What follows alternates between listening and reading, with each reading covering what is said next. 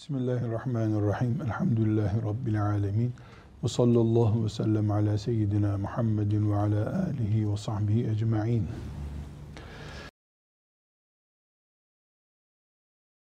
Resulullah sallallahu aleyhi ve sellemi Medine-i Münevvere'yi İslamiyet'in ilk günlerini İslam tarihini Mekke'de vahyin gelişini, bütün bunları konuşurken bir siret, İslam tarihi konuşurken esasen bilgiler içerisinde bulunduğu halde bir şey dikkatimizden kaçıyor olabiliyor.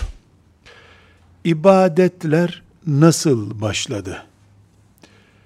Ya da ibadetin tarihini nasıl anlamalıyız? Bu şüphesiz bugün bizim mesela namaz kılmamıza etki etmez. Yani bilsek de bilmesek de namazın ilk defa ikişer rekat başladığını, iki vakit olduğunu, daha sonra bugün kıldığımız şekle geldiğini bilmemizin namaza da diğer ibadete de bir katkısı yoktur. Ama Müslümanlık olarak bir heyecan ve zihnimizin dolu olması açısından, altyapı olması açısından ibadet dediğimiz işlerimizin nasıl başladığına dair bir giriş bilgisi faydalı olur diye düşündüm. Önce ibadet ne ediyoruz? İbadet Allahu Teala'nın kulundan razı olduğu şeylerin adıdır. Sözler, iç ve dış eylemler ibadet olabilir. Bir şey Allah'ın kulundan razı olduğu ve ona sonuç olarak sevap yazdığı şey ise o ibadettir. Yalnız bu ibadet kulun iradesiyle yaptığı bir şey olmalıdır. Ağaç gibi kendiliğinden meyve verdiği zaman buna ibadet demeyiz. Kul niyet eder kasteder, yapar, buna ibadet deriz. Söz olur, ağızdan çıkar, yürek ve organ eylemi olur, yine ibadet sayarız. Yürek eylemi nedir? E, sevmek. Resulullah sallallahu aleyhi ve sellemi seviyoruz. Bu bir ibadettir. Ashab-ı kiramı seviyoruz. Bir ibadettir. Ehli beyti seviyoruz ibadettir. Eylemlerimiz var organlarımızda, namaz kılıyoruz, tutuyoruz, kaldırıyoruz, anneye babaya hizmet ediyoruz, elimizle ayağımızla yaptığımız işler, bunlar hepsi ibadettir.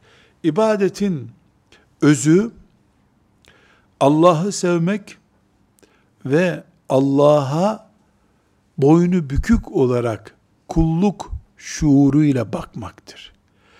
Yoksa insanın Allah'ı sevmeden ve Allah'ın kulu olma kalitesini yakalamadan yaptığı eyleme ibadet denmez. Göstergesi benziyor olsa bile. Burada ibadet kelimesine nedir diye bir soru sorduğumuzda hemen karşımıza namaz çıkar. Şüphesiz doğru oruç çıkar, haç çıkar. Ama annesinin yatağındaki kaçırdığı idrarını, abdestini temizleyen kadına, babasının, çok yaşlı babasının, affedersiniz, müstehcen temizliğini, tıraşını yapan bir evlada, ne yapıyorsun dediğimizde, Babam yaşlı, temizliğini yapıyorum der de ibadet yapıyorum demez. Yanlış. Anne babaya yaşlılıklarında öf bile dememeyi, ibadet yapmayı kim emretti? Allah emretti. Namazı da Allah emretti. Namaz için abdest alacaksın, kıbleye döneceksin, setri avret yapacaksın gibi ön şartlar koydu. Anneni babanı banyoya sokup onların en olmaz hizmetlerini, taharetlerini yaptırdığın gün geldiğinde, velev ki yaşlı olmasınlar, gençken olur, hasta olur, feşli olur, yaptırdığın zaman abdest alarak, işte kıbleye dönerek bunu yap demedi. Ama annenin, babanın bu hizmetini yap buyurdu Allah. Sen bu anne baba hizmetini Allah emrettiği için yapıyor olduğun sürece, namaz gibi bir ibadettesin. Namazın özgül ağırlığı bilmem kaçtır, bunun bilmem kaçtır. Neticede ikisi de Allah için yapılmaktadır. İbadettir. Namazla da kurban kesmek karşılaştırılmıyor. Kurban kesmek de bayram günü bir ibadettir. Hiç kimse kurban kesmenin namaz kadar, mesela kurban bayramında kurban kesmenin sevap ağırlığının, özgül ağırlığının cuma namazıyla karşılaştırıldığını duymadık. Karşılaştırılmaz da zaten misal olsun diye söyleyecek olursak, cuma namazı milyonsa, kurban ibadeti 500'tür. Misal. Ama ikisi de Allah için yapılmaktadır. Kurban ibadetini ben yapmıyorum, beğenmiyorum haşa diyen birisi de Allah'a asidir. E, namazı, cumayı inkar eden de Allah'a asi olmuştur. İkisi de kıyamet günü sevap hanemizde bulunacak. Cuma kılan da ondan bir sevap elde edecek. E, kurban bayramında kurban kesen de cennete girerken o koçun kestiği koçun tüyleri sayısı kadar ibadet kazandığını belki de görmüş olacak. Neden? Biz çünkü Allah'ın huzurunda Allah'ı sevdiğimiz için ve Allah'ın önünde boynumuz bükük olduğu için kulu olduğumuzdan, cennetine muhtaç olduğumuzdan, cehennemine cehenneminden korktuğumuzdan dolayı içimizdeki hissiyatın bizi yapmaya sevk ettiği her şeyin adı ibadettir. Bu bir gün sadaka olur. Bir gün caminin önünü süpürmek olur. Bir gün anaya babaya hizmet etmek olur. Bir gün çocuğunla oynamak olur. Bir gün namaz kılmak olur. İnsan olarak yaptığın şeyleri Allah ile bağlantılı olarak yaptığın her şey ibadettir. Hatta ve hatta önüne gelmiş sansürsüz bir haram fırsatını Allah'tan korkup tepmeyi bile ibadet olarak karşılıyor. Yani ibadeti biz namazdır derken önündeki banka müdürünün sana bunu veririz. Üstelik de çok düşük faizle veririz dediği faizi elinin tersiyle hatta sol elinle necis bir şeydir bu, bu, bu faiz yazan kağıtları elinin soluyla fırlatıp atarsın. Yani sağ elimi bile tutmam, taharet eliyle bunu atarım dediğin zaman da ibadet halindesin. İbadet halindesin. Nasıl bir müşrik, Allah yoktur diyen, Allah'ın haşa oğlu vardır diyen bir müşrik, iman ettiğinde cennetler gibi büyük bir iş yapmış oluyor. Aynı şekilde bir mümin de haram bir fırsatı teptiği zaman o haramdan tepişini, haramı tepmiş olmasını Allahu Teala ibadet kabul ediyor. Hatta ve hatta hatta o kadar büyük ibadet kabul ediyor ki Allah tövbe ettiği zaman kulu o eski şarapları, eski faizleri, eski kumarları, eski yalanları tövbe ve tövbede ciddiyet sağladığı zaman kul sevap olarak kaydediyor. Şu günahtan dolayı yüz defterine yazılmış kara leke vardı. Onları siliyor. Onları siliyor. Artı yüz sevaba dönüştürüyor. Böyle bir Allah'ımız var. İbadet bu kadar değerli bir şey.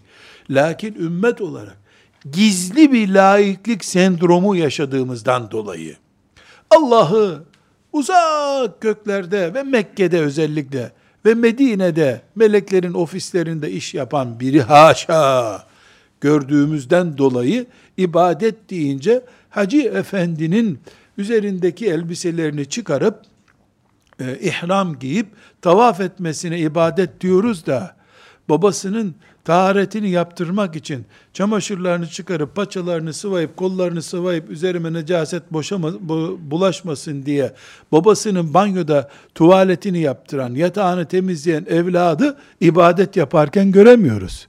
Onu insancıl bir eylem olarak görüyoruz.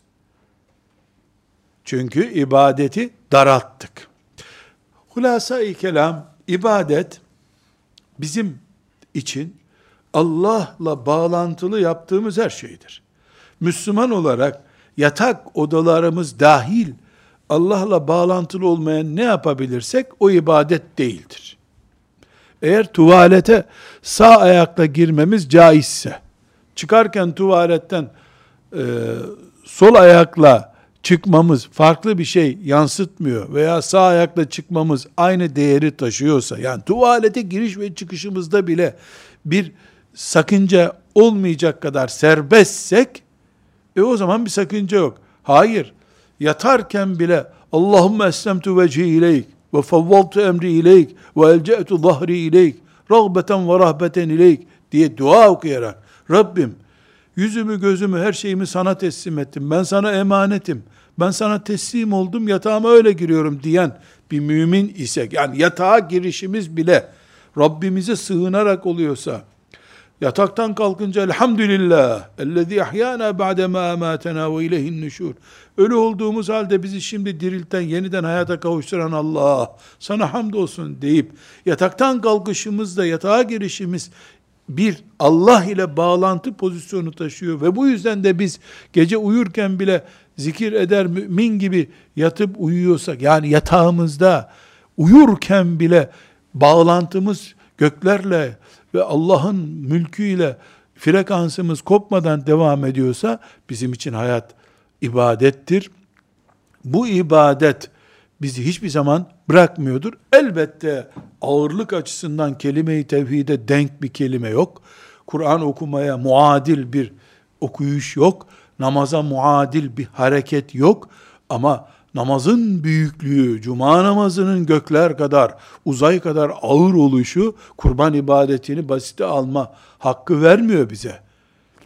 Ağırlık farklılıkları Allah ile bağlantılı olmaları açısından bir önem taşımıyor. Sadece Allah için bu. Nitekim yani biz mümin olarak öyle bir nokta oluyor ki binlerce namaz kıldığımız halde o namaz bizim cennete girmemiz için yeterli olmuyor gibi bir pozisyon olabilir. Namazdaki mesela arızalardan dolayı bir köpeğe verdiğin bir çanak sudan dolayı cennete girebiliyorsun. Resulullah sallallahu aleyhi ve sellem bir sözle cennete girilebileceğini, bir sözle de cehenneme girilebileceğini söylüyor. Bize göre çok önemsiz. Büyük küçük ayrımı yapıyoruz. Allah bakarken öyle bakmıyor. Benim için ne kadar yaptı diye bakıyor. Bir söz bazen tam yerine oturuyor böyle. Oturunca ona mükemmel bir ibadet puanı veriliyor ve ibadet etmek abd kelimesinden gelen bir şey. Abd kul demek. İbadet kulluk yapmak demek. Namaz kulluktur. Eğiliyorsun rüküye, secdeye toprağa alnını koyuyorsun. Rabbim beni önünde eğilmiş olarak görsün diyorsun. Kulluk bu işte. Bu kulluğu bir yetim çocuğun saçını okşarken de yapıyorsun sen. Bunu yaratan Rabbim babasını aldı, bu garibi bize bıraktı diyorsun. Bu senin Allah ile bağlantının devam ettiğini gösteriyor. Kafir de bunu yapıyor bazen. Hatta yetim çocuğa bisiklet de alıyor olabilir o. Sen bisiklet alamayıp sadece saçını okşamışındır. Sen onun saçını okşayışınla cennete girersin. Ama kafir ona bisiklet alır, okul harçlıklarını verir, hiç de cennetin adını bile duyamaz. Niye? Çünkü sen o çocuğu yaratanın hatırı için yaptın. O da yani ben de zaten çocukken çok, gariptim, şimdi param var, vereyim diye ver. Onunki sıradan bir şey, seninki uzay çaplı bir şey, kulluk bu çünkü. Allah ile bağlantılı yaptığımız bütün işlere ibadet yüklemesi yapıyoruz. İbadet bizim için hayat demek. Bu girişi neden yaptık? Çünkü Resulullah sallallahu aleyhi ve sellemin ibadet tarihinin girişini yapmak istiyoruz. Yani Peygamber sallallahu aleyhi ve sellem peygamberlikten önceki bazı ibadete benzer işlerini değerlendiriyor olmamız lazım. Medine-i Münevvere'de namaz emredildiğinde, oruç emredildiğinde, zekat emredildiğinde neler yapıldı? Neden bu, bu süreç neden böyle işletildi? Mekkeli müşrikler neden ibadet ortamına giremediler? Bunu anlamamız lazım. Münafıklar neden namaz kılıyor göründükleri halde Mescid-i Nebi'de bir işe yaramadı? Bunu anlamak için ibadetin tarifini yapmamız lazımdı. Şimdi Resulullah sallallahu aleyhi ve sellemin hayatında yaşam yeri olarak iki şehir var. Bildiğimiz gibi Mekke var ve Medine var. Doğup büyüdüğü, peygamberlik şerefiyle şereflendiği şehrin adı Mekke'dir. Mekke'yi bir coğrafya olarak e, ibadet açısından incelediğimizde şunu söyleyebiliriz. Mekke, Peygamber Efendimiz sallallahu aleyhi ve sellem'den önce de ibadete uzak bir şehir değildi. İbadet şehriydi. İlk kurulduğu günden beri Mekke ibadet şehridir. Bir süre şirkin istilası altına girmiştir. Müşrikler istila etmişlerdir. Putperestlik hükümran olmuştur. Ama o günlerde bile o günlerde bile kabul olmamış ibadetler hala yapılıyordu. Mesela hac gibi ibadet Ebu Cehil döneminde Ebu Cehil tarafından da yapılıyordu. Ama kabul olmamış, kabul olmayacak ibadetler olarak yapılıyordu. Kur'an-ı Kerim'den öğreniyoruz ki şimdi vakıfların yaptığı su şişeleyip fakirlere, susamışlara su dağıtma işini müşrikler de yapıyorlardı. Yani ibadet olarak yapılıyordu ama santralinden koparılmış bir hat üzerinden yaptıkları için hiçbir işe yapmıyordu. Motorlarını çalıştırmıyordu o enerji. Neden? Çünkü Mekke'yi bir e, İbrahim aleyhisselam gibi Peygamber Efendimiz sallallahu aleyhi ve sellemin de dedesi olan bir peygamber şehir haline getirdi. Oğlu İsmail ile beraber. Ee, ilk Kabe'nin tarihinde iki peygamber var. Ondan önce Adem Aleyhisselam'dan Adem Aleyhisselam'a kadar gittiğimiz zamanda da meleklerin kurduğu bir yapı var ama insan olarak ilk tuğla e, İbrahim Aleyhisselam ve İsmail Aleyhisselam tarafından kuruldu. O bereketli eller o Kabe'nin ilk taşlarını dizdiği için elhamdülillah kaç bin sene geçti. Bir gün bile tavaf durmadı. Müşrikler zamanında da tavaf devam ediyordu. Ama kabul olmamış ibadetler yapıyorlardı. Mekke'de Mescid-i Haram'ın bulunması, Beyt-i Haram'ın bulunması, bir Hacerül Esved'in bulunması, o zaman da Hacerül Esved oradaydı. Hacerül Esved cennet menşeli bir taş. E, Hacerül Esved var. Bir e, aynı şekilde hac ibadeti devam ediyor ve zemzem mübarek bir su kaynağı olarak Mekke'de vardı. Dolayısıyla Mekke dediğimiz zaman Peygamber Efendimiz sallallahu aleyhi ve sellemin ibadet için kurduğu bir şehir değildir. Peygamber Efendimiz sallallahu aleyhi ve sellemin üzerine geldiği, daha önce ibadet atmosferi bulunan bir şehirdir.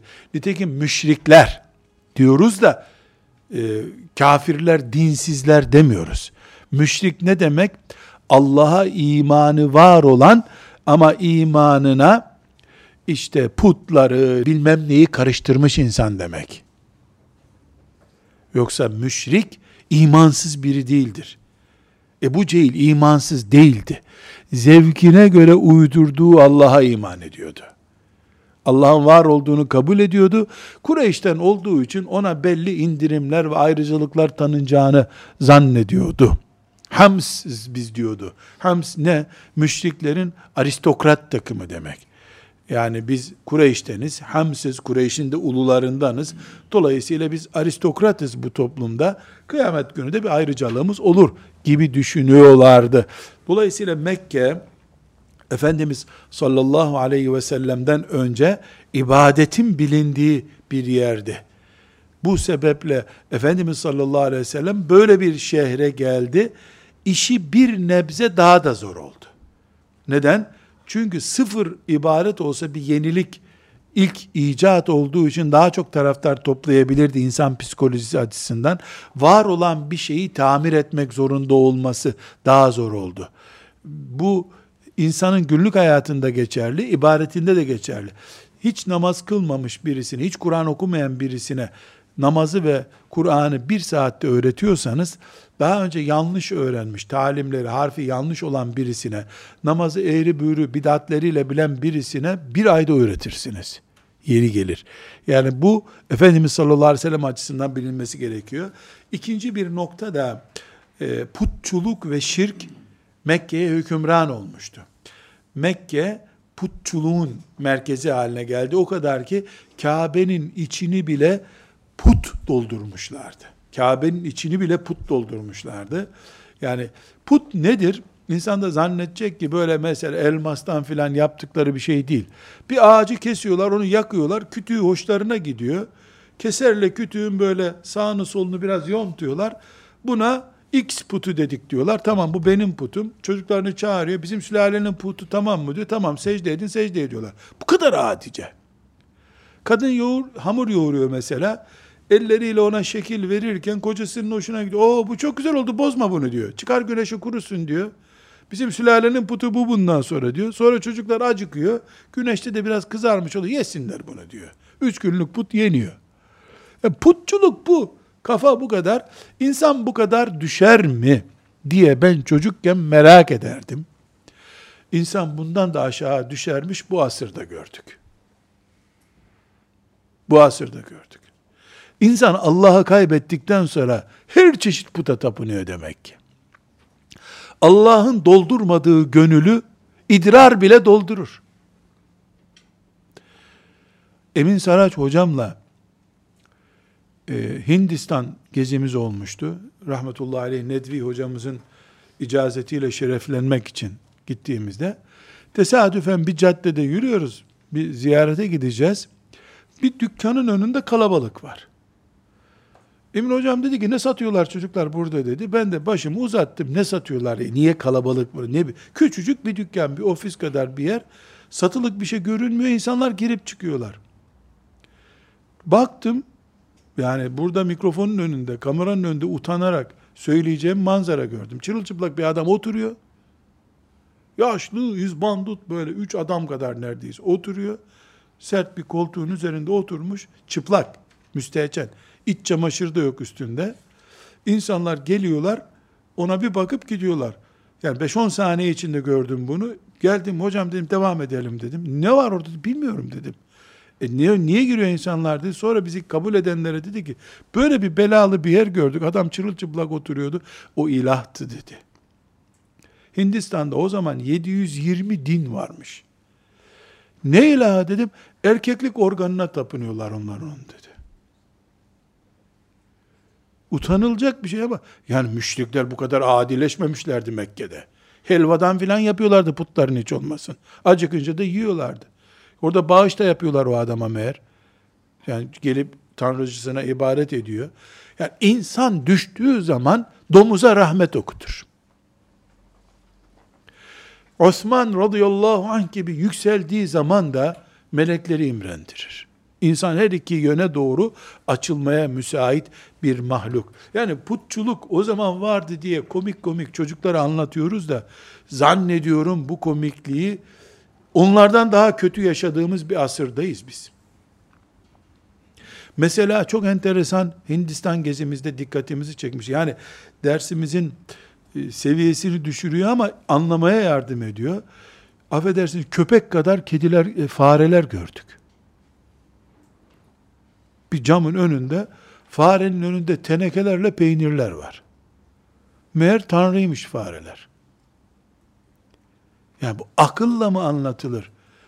Neyle anlatılır? Görmesem gözümle birisi bana anlatsa, bir ansiklopedide olsa güler insan buna. İnek hikayesini zaten biliyorsunuz.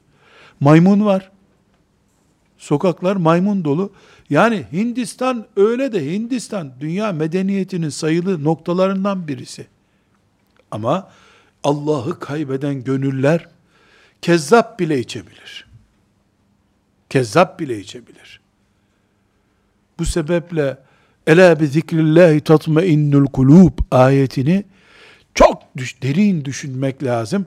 Tesbihle Subhanallah, Subhanallah demenin ötesinde o var ama ondan daha yüksek bir nokta Allah'a zikir ki kalpler onunla donanıyor. Allah zikriyle donanmayan yani her e, iniş çıkışında, nefes alışverişinde, nabızlarında Allah'la bağlantı kurmayan bir gönülün, kalbin ne büyük karanlıklar, ne büyük boşluklarda dolaştığını gösteren muhteşem bir ayet. Bir başka nokta, Mekke'de Yahudilik dini sıfırdı. Yahudilik yoktu. Medine'ye geldiğimizde göreceğiz Yahudilik vardı. Bu da Efendimiz sallallahu aleyhi ve sellem için bir kolaylık oldu. Çünkü Yahudiler bulunsaydı Efendimiz sallallahu aleyhi ve sellemin hem müşrikler hem de Yahudilerle uğraşması daha çetin noktalara onu taşıyacaktı. Allah Yahudiliği e, Mekke'ye sokmadı. Yani Yahudilik bir din olarak öteden biliniyordu Mekke'de. Ama ne diye biliniyordu? Medine'de Yahudiler vardı. 450 kilometre, 500 kilometre ötede. Onlar oraya Yemen'den kaçmış gelmişlerdi. Geliş tarihleri bilinmiyor ama Medine'de Yahudiler vardı ve Yahudiler Ahmet isimli bir peygamber gelecek. O bizim içimizden gelecek. Mekke'yi ter temiz alacağız. Mekke'den sizi kovacağız diyorlardı. Müşrikler böyle bir peygamber geleceğini ama Yahudilerden geleceğini tahmin ediyorlardı. Efendimiz sallallahu aleyhi ve sellem Kureyş'in içinden çünkü, çünkü Yahudi bir ırkın adıdır. Yani bizden gelecek derken İsrail oğullarından gelecek. Çünkü İsrail oğullarından o aileden gelmeyen zaten Yahudi olamıyor. Yahudilik aile dini. Elhamdülillah hala aile dinidir. Şükürler olsun.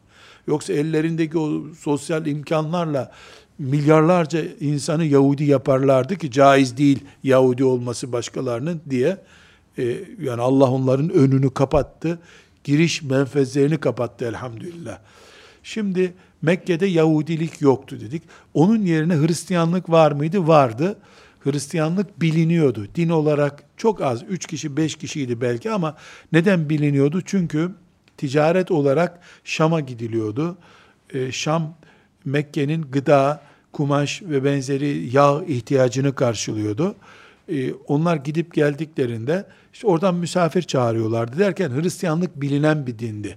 Bu e, putçuluk da Şam'daki Hristiyan putperestleşmiş Hristiyanların oraya taşıdığı bir belaydı.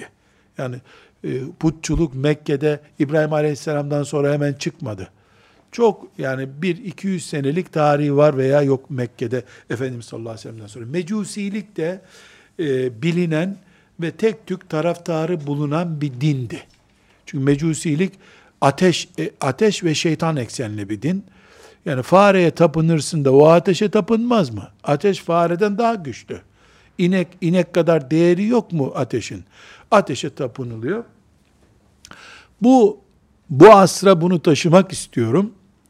Birileri Azerbaycan'ın başkentinde doğal gazın topraktan bedava neredeyse çıkarıldığı bir yerde hala bizdeki heykeller gibi 24 saat doğal gazdan üreyen ateşin niye yakıldığını merak edebilir. İran'da, Azerbaycan'da hala niye ateş yakılıyor? Kültür etkinliği, hidrallez denen şeyde Türkiye'de niye büyük ateşler yakılıyor da o ateşlerin üstünden insanlar atlamaya çalışıyor. Allah'tan bizde doğalgaz pahalı, odun, kömür pahalı da 365 gün 24 saat yakmıyorlar onu. Azerbaycan'da niye yanıyor hala? İran'da niye yanıyor hala? Çünkü iblis, la'in, ürettiği bir mikrobu hiçbir zaman kapatmaz. Mekke'de ocağının söndüğünü gördü, gitti Azerbaycan'a yerleşti. Bakü'de faaliyetlerine devam ediyor. Filan hayvana tapınılıyordu Mekke'de müşrikler tarafından. Hindistan'da, Çin'de devam ettiriyor şimdi onu. İblis ocak kapatmaz. Ne yapar? Ticaretin uygun olduğu yere taşır kendisini. Bakar ki burada ekmek yok bize. Geldi Resulullah sallallahu aleyhi ve sellem nuru ile aydınlattı dünyayı. Alır oradan ocağını götürür, başka yere tezgahını açar. Enayi mi yok dünyada? Enayi mi yok? Nauzu billahi teala. Kalpler Allah ile donanmadıkça, her nefesi Allah ile alıp verme kıvamına gelinmedikçe bu bataklık herkes için geçerlidir. Ben modern bir e, put daha söyleyeyim. Ev, evler modern puttur. Uğruna faizi bile helal hale getirtti insanların gözünde. Var olduğu halde yokluğu korkusuyla insanların kanser olduğu hastalık. Put illa avucun içine girecek, çantaya konacak bir şey değil. Simgesel değeri olan şeylerden de put oluyor. Oluyor işte. Rabbim huzurunda saf müminler olarak kalmayı muvaffak kılsın bize diye dua etmekten başka yapacağımız hiçbir şeyimiz yoktur. Mekke deyince ve din ve ibadet konuşulunca unutulmaması gereken bir kavram daha var. Hanifilik. Hanefilik değil. Ebu Hanife'nin mezhebinde olmaya Hanefilik diyoruz. Hanefi mezhebi diyoruz. Onu konuşmuyoruz. Hanif. Hanefi değil. Hanif. Başka bir kavram bu. Hanif Mekke'yi işgal eden, putçuluk ve şirk fitnelerine, sapıklıklara, tapınmalara karşı arınmaya çalışan ekolün adıdır. İşte Efendimiz sallallahu aleyhi ve sellem ilk vahiy geldiğinde e, Varakat ibn Nevfel'e gidelim demişti Hadice anamız radıyallahu anha. Varakat ibn Nevfel hanif bir insandı. Hanif insan ne demektir? Nasıl ibadet yapıyorlardı? Hiçbir bilgimiz yok bu konuda. Sadece müşriklerin şirklerine karşı onu yanlış görüp Allah böyle bir putla simgelenemez haşa deyip dağlara çekilip inzivaya çekilip orada yalnız kalmaya çalışan ekole Hanif ekolü deniyor. Bunlar da Mekke'de parmakla sayılacak kadar az kimse aklı başında hılkatin putçuluğa uygun olmadığını, Allah'ın oğlu var, haşa eşi var demenin hiçbir şekilde akla uymadığını, delilik olduğunu anlayacak kapasiteli, zeki insanlarmış bunlar. Ve toplumun içinde de kendilerine yer bulamamışlar. Kimi dağa çekilmiş, kimi e, başka bir diyara çekilmiş ve bu e, hastalıktan uzaklaşmaya çalışmışlar. Kendilerini kurtarmışlar deyim yerindeyse. Ee, inşallah en azından müşrik olmadıkları için ve bir fetret döneminde yani peygamberin bulunmadığı bir dönemde yaşadıkları için biiznillah cennet erbabı olarak öldüklerini umuyoruz. Ama elbette akıbeti Allah biliyor. Böyle bir kadroda var. Mekke'de din ve ibadet deyince aklımıza bu geliyor. Yesrib'de, henüz Medine değil orası, mecbur Yesrib olarak anıyoruz. Yesrib'e gelince Yesrib'in hakimi Yahudiler. Yani din olarak, ibadet olarak Yahudiler hakim. Çünkü Medine'nin ticaretine ve e, ziraatine hakimler. Üretilen ürünleri işte borsada diyelim şimdiki ifadelerle el koyuyorlar, yürütüyorlar. Dolayısıyla onların dini de din olarak hakim. Ama Yahudi olmayan Yahudi yani e, ailesi Yahudi olmayan iman edip onların dinine girip Yahudi olamayacağı için de nüfusları artmıyor. Evs ve Hazreç ashab-ı kiramın ensar kısmını oluşturanlar e, orada azınlıklar o zamanlar. Azınlık oldukları için onları birbirine kırtırıyorlar, sürekli dövüştürüyorlar, e, mallarına el koyuyorlar. E, 100 sene, 150 sene süren savaşlar var. Evs ve Hazreç kabileleri arasında. Ama Yahudilerin ibadet ettikleri mabetleri var, ibadetler yapıyorlar. Kendilerine göre bayramları var ve din savaşı da yapıyorlar. Yani din budur. Ee, hiçbir şekilde sizin dininiz bir işe yaramaz diye tehdit de ediyorlar. Medine'de Hristiyan yok, sıfır. Hristiyanlık bilinmiyor adeta. Belki tarih olarak duyan olmuştur ama Hristiyan diye birini görmemişler. Çünkü Yahudinin olduğu yerde başka bir şey olmaz. Ayrı kotu gibi. Girdiği yerde işe yarar bitkiye yer vermez. Elhamdülillah Hayber'de boyunları koparıldığı için ondan sonra İslamiyet rahat etti. Hristiyanlık rahat etti. Muharreb Hristiyanlık da o sayede rahat etti. Putçuluk Medine'de de var. Neden?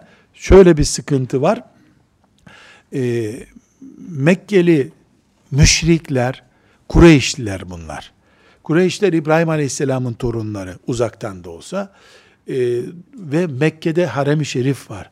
Çevredeki bütün e, Arap Yarımadası Mekke'yi saygın tutuyor. Allah'ın lütfu keremiyle Mekke'ye hürmetkarlar. Oradakilerle ters düşmek de hoşlarına gitmiyor. Putçuluk da zararsız bir din onlar için.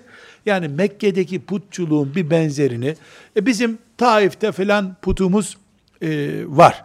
Medine'de, Yesrib'de de bir putumuz var diyorlar. Mekkeliler de sizin de olsun canım zarar yok size de put edinme hakkı verdik gibi bir mantıkla onlara bakıyorlar.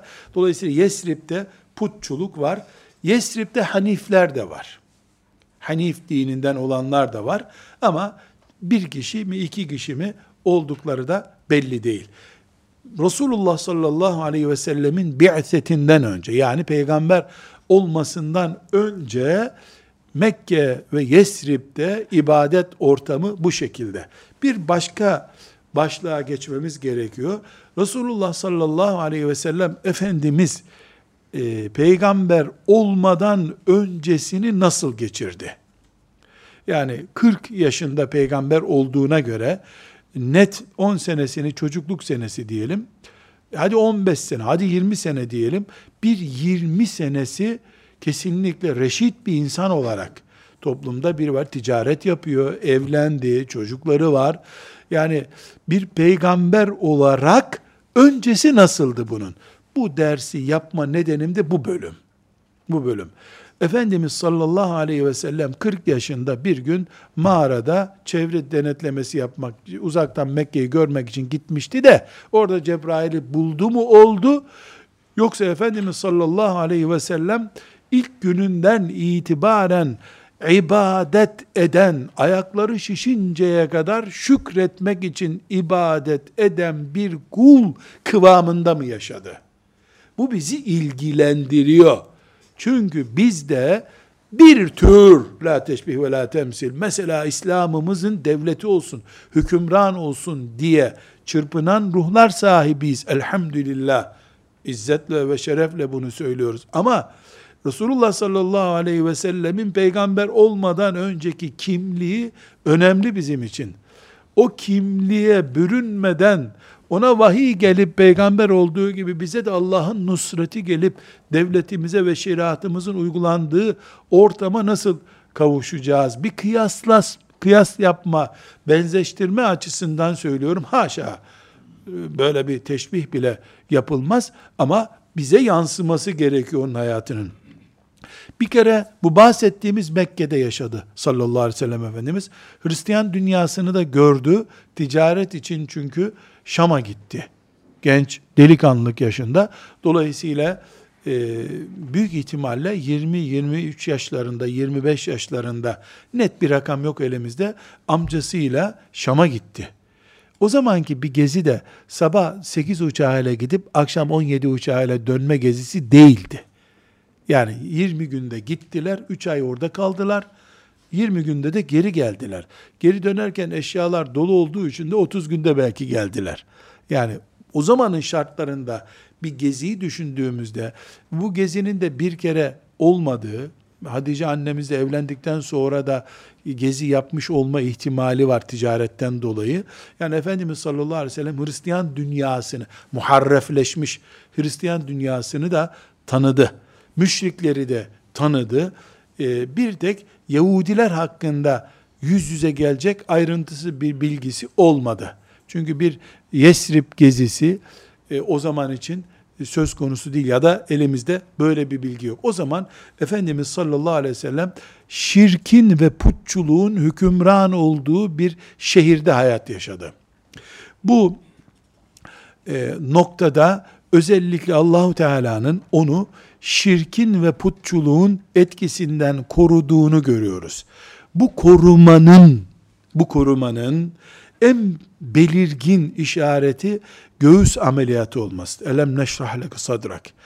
Bu ayet her ne kadar ameliyat anlamına gelmeyecek tevil de yapılabiliyorsa da biz e, hadislerden de öğreniyoruz. Efendimiz sallallahu aleyhi ve sellemin göğsü yarıldı ve göğsünde e, yani zemzemle yıkanarak iç organları e, dünya e, kirliliklerinden, atmosferinden arındırılmış olarak 4 yaşından itibaren göğsü meleklerce ameliyat edilip temizlenmiş e, bir insan olarak yaşadı peygamberliğinden önce. Bu ameliyatın Miraç'tan önce de yapılmış olma ihtimalini unutmuyoruz. Dolayısıyla Efendimiz sallallahu aleyhi ve sellem Allah tarafından korundu derken bu ameliyat birinci koruma noktası. İki, bu ameliyattan sonra gençlik hayatı geldiği için Efendimiz sallallahu aleyhi ve sellem hiçbir şekilde bir günaha bulaşmadı. Hiçbir puta elini değdirmedi. Asla alkol bardağına, tasına elini tutmadı. Üç şey Efendimizin hayatında yok. Günah, gençliğinde de yok yani sonra zaten yok. E, putlar ve alkol.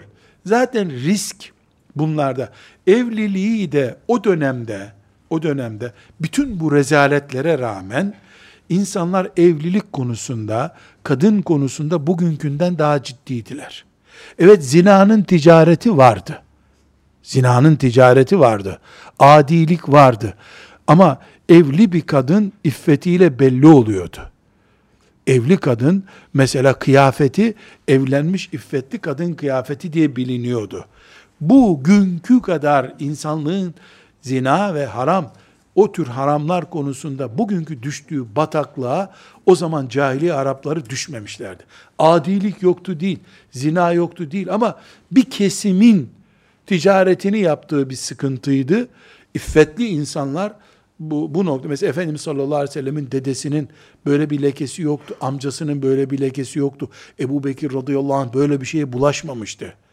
Müslüman olmadıkları zamanlarda da yani bunu insanlık konusu kabul ediyorlardı. Şimdi insanlık da bireyin kıyma yapabileceği bir hakkı haline geldiği için kimse kimseyi ayıplayamaz bir noktada olduğundan müşriklerin o günkü kültürünün gerisine düşüldü. Efendimiz sallallahu aleyhi ve sellemin o günleri özetlendiğinde şunu söyleyebiliriz. Bilhassa kalp ameliyatından sonra göğüs diyelim daha doğru ifade göğüs ameliyatından sonra Efendimiz sallallahu aleyhi ve sellem 40. yaşına kadar selim bir fıtratla yani yaratılış doğallığıyla yaşadı. Günahlar, şirk, alkol ve toplumun ahlaksız işleri, cinayet ve benzeri hatalar Efendimiz sallallahu aleyhi ve sellemin elinin değmediği, gözünün değmediği işler oldu. Rivayet derecesini bilmiyorum ama mesela bir siyer bilgisi olarak zikredebiliriz. Bir düğüne davet edildi. Efendimiz sallallahu aleyhi ve sellem düğüne gitmek için çıktığı yolda bir yerde uyuklaya kalmış. Uyandığında düğün geçeli çok oldu diye düğüne de gidememiş. Yani allah Teala bu noktaya varıncaya kadar Efendimiz sallallahu aleyhi ve sellemi korudu. Peygamberliğinden önce. O sebeple Efendimiz ben peygamberinizim dediği zaman bir Allah'ın kulu sen de filan gün diye bir şey diyemedi. İftira ettiler. Delisin, sihirbazsın dediler. Ama e, sen şöyleydin diyemediler. Hiç kimse diyemedi. Hiç kimse diyemedi. En azılı müşriki müşrik bile öldürmeye teşebbüs etti Efendimiz ama onu ahlakıyla itham edemedi. Biz bunu e, belgeli olarak konuşuyoruz. Yani bizim peygamberimiz zaten öyle olacaktı diye demiyoruz. Biz öyle iman ediyoruz. Ama müşrikler onun 18 yaşındayken bir düğünde arkadaşlarıyla haşa horon ettiğini yakalamış olsalardı eğer bunu kullanırlardı. Sen bizi cennete çağırıyorsun, sen 18 yaşında hatırlıyor musun? Derlerdi. Çünkü herkes birbirinin geçmişini çok iyi biliyor. Şimdiki bir 50 haneli bir köyü düşünün. O 50 haneli köyde doğmuş 40 yaşına gelmiş bir insan hangi hatasını gizleyebilir o köyde? Efendimiz sallallahu aleyhi ve sellemi Allah korudu. Buna rağmen Efendimiz sallallahu aleyhi ve sellem tehennüs yapardı deniyor. Tehennüs günahsız ortam arama demek. Yani toplumun içinde günah yapmıyorsun. Bir de o toplumun günah ortamından kendini uzak tutuyorsun. Ticaretini yapıp evine kapanıyorsun gibi bir ortam da vardı Efendimiz sallallahu aleyhi ve sellem için. Bu sebeple Şimdi 40 yaşına doğru gelirkenki süreci değerlendirebiliriz. Bu sebeple Efendimiz sallallahu aleyhi ve sellem her yıl Özellikle de Hatice anamızla evlendikten sonra ekonomik bir rahatlığa kavuştuğu için zengin bir kadınla evlendi. Ekonomik bir rahatlığa kavuştuğu için her yıl Ramazan ayında Hıra dağına çıkar. oradaki mağaraya kapanır, tehennüs yapardı.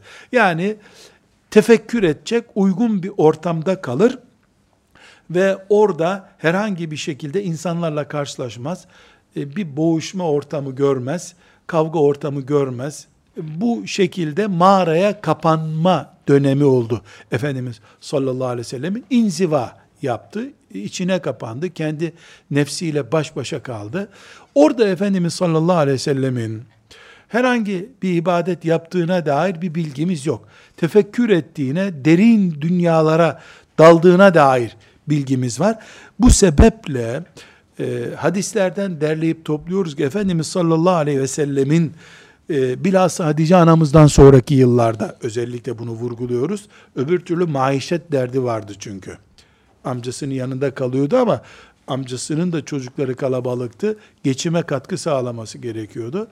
Bedavacı bir insan da olmadı Efendimiz sallallahu aleyhi ve sellem. Amcasına amcasında barınıyordu, amcasına da destek oluyordu. Sonra onun amcasının yanında kalmasının bir tür karşılığı olarak da Ali'yi yanına aldı. Ali'yi de evlat gibi o büyüttü. Radıyallahu an. İlk olarak bu derin e, mağaraya çekilişlerden, bu tehennüs yapmasından yani iç dünyasına kapanıyor olmasından dolayı ilk belirtiler rüya şeklinde oldu. Yarın bu gece gördü, yarın gerçeğini gördüğü rüyalar olmaya bak. Yüzde yüz doğrulaşmış, doğrulanmış olaylarla sonuçlanan rüyalar gördü.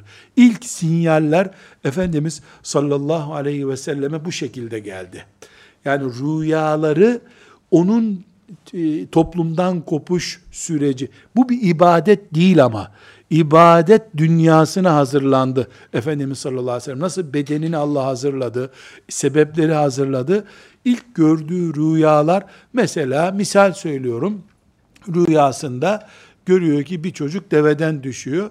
Şehirde yürürken bir çocuğun deveden düştüğünü görüyor. Bunu misal olarak söylüyorum. Böyle bir şey elimizde yok. İkinci olarak da Mekke sokaklarında ışık hüzmeleri görmeye başladı bir ışık akımı, yani gün ortası, gece ortası farklı sesler duymaya başladı sallallahu aleyhi ve sellem. Bunları hadisi şeriflerden anlıyoruz. Hep bunlar vahiy gelmeden önce vahiy dünyasına Cebrail aleyhisselamı görmeye hazırlanıyor Efendimiz sallallahu aleyhi ve sellem. Allah bilir ya bu olaylar olmadan önce Cebrail'i görseydi belki de korkudan ölürdü sallallahu aleyhi ve sellem. Hikmetini Allah biliyor. Böyle yaptık dedi Allah. Amenna ve saddakna dedik. Demek ki birinci nokta mağaraya çekiliyor. Yalnızlık dünyası. İkinci nokta rüyalarla vahiy alemine ısındırılıyor. Rüyaları gerçek oluyor. Herkes rüya görür ama binde bir tutar rüyası. Efendimiz sallallahu aleyhi ve sellem bir rüya görüyor. Sadıka rüya. Öbür gün zaten peygamberlerin gördüğü rüyalar sadık rüyalardır. Ama bunu da özellikle Efendimiz sallallahu aleyhi ve sellem sadık olarak görüyor. Üçüncü olarak ses ve ışık görmeye başlıyor. Ses ve ışık görmesi de onun için değişik bir hazırlık oluyor. Ne olduğunu anlamıyor ama hala. Dördüncü olarak kendisi de buyuruyor.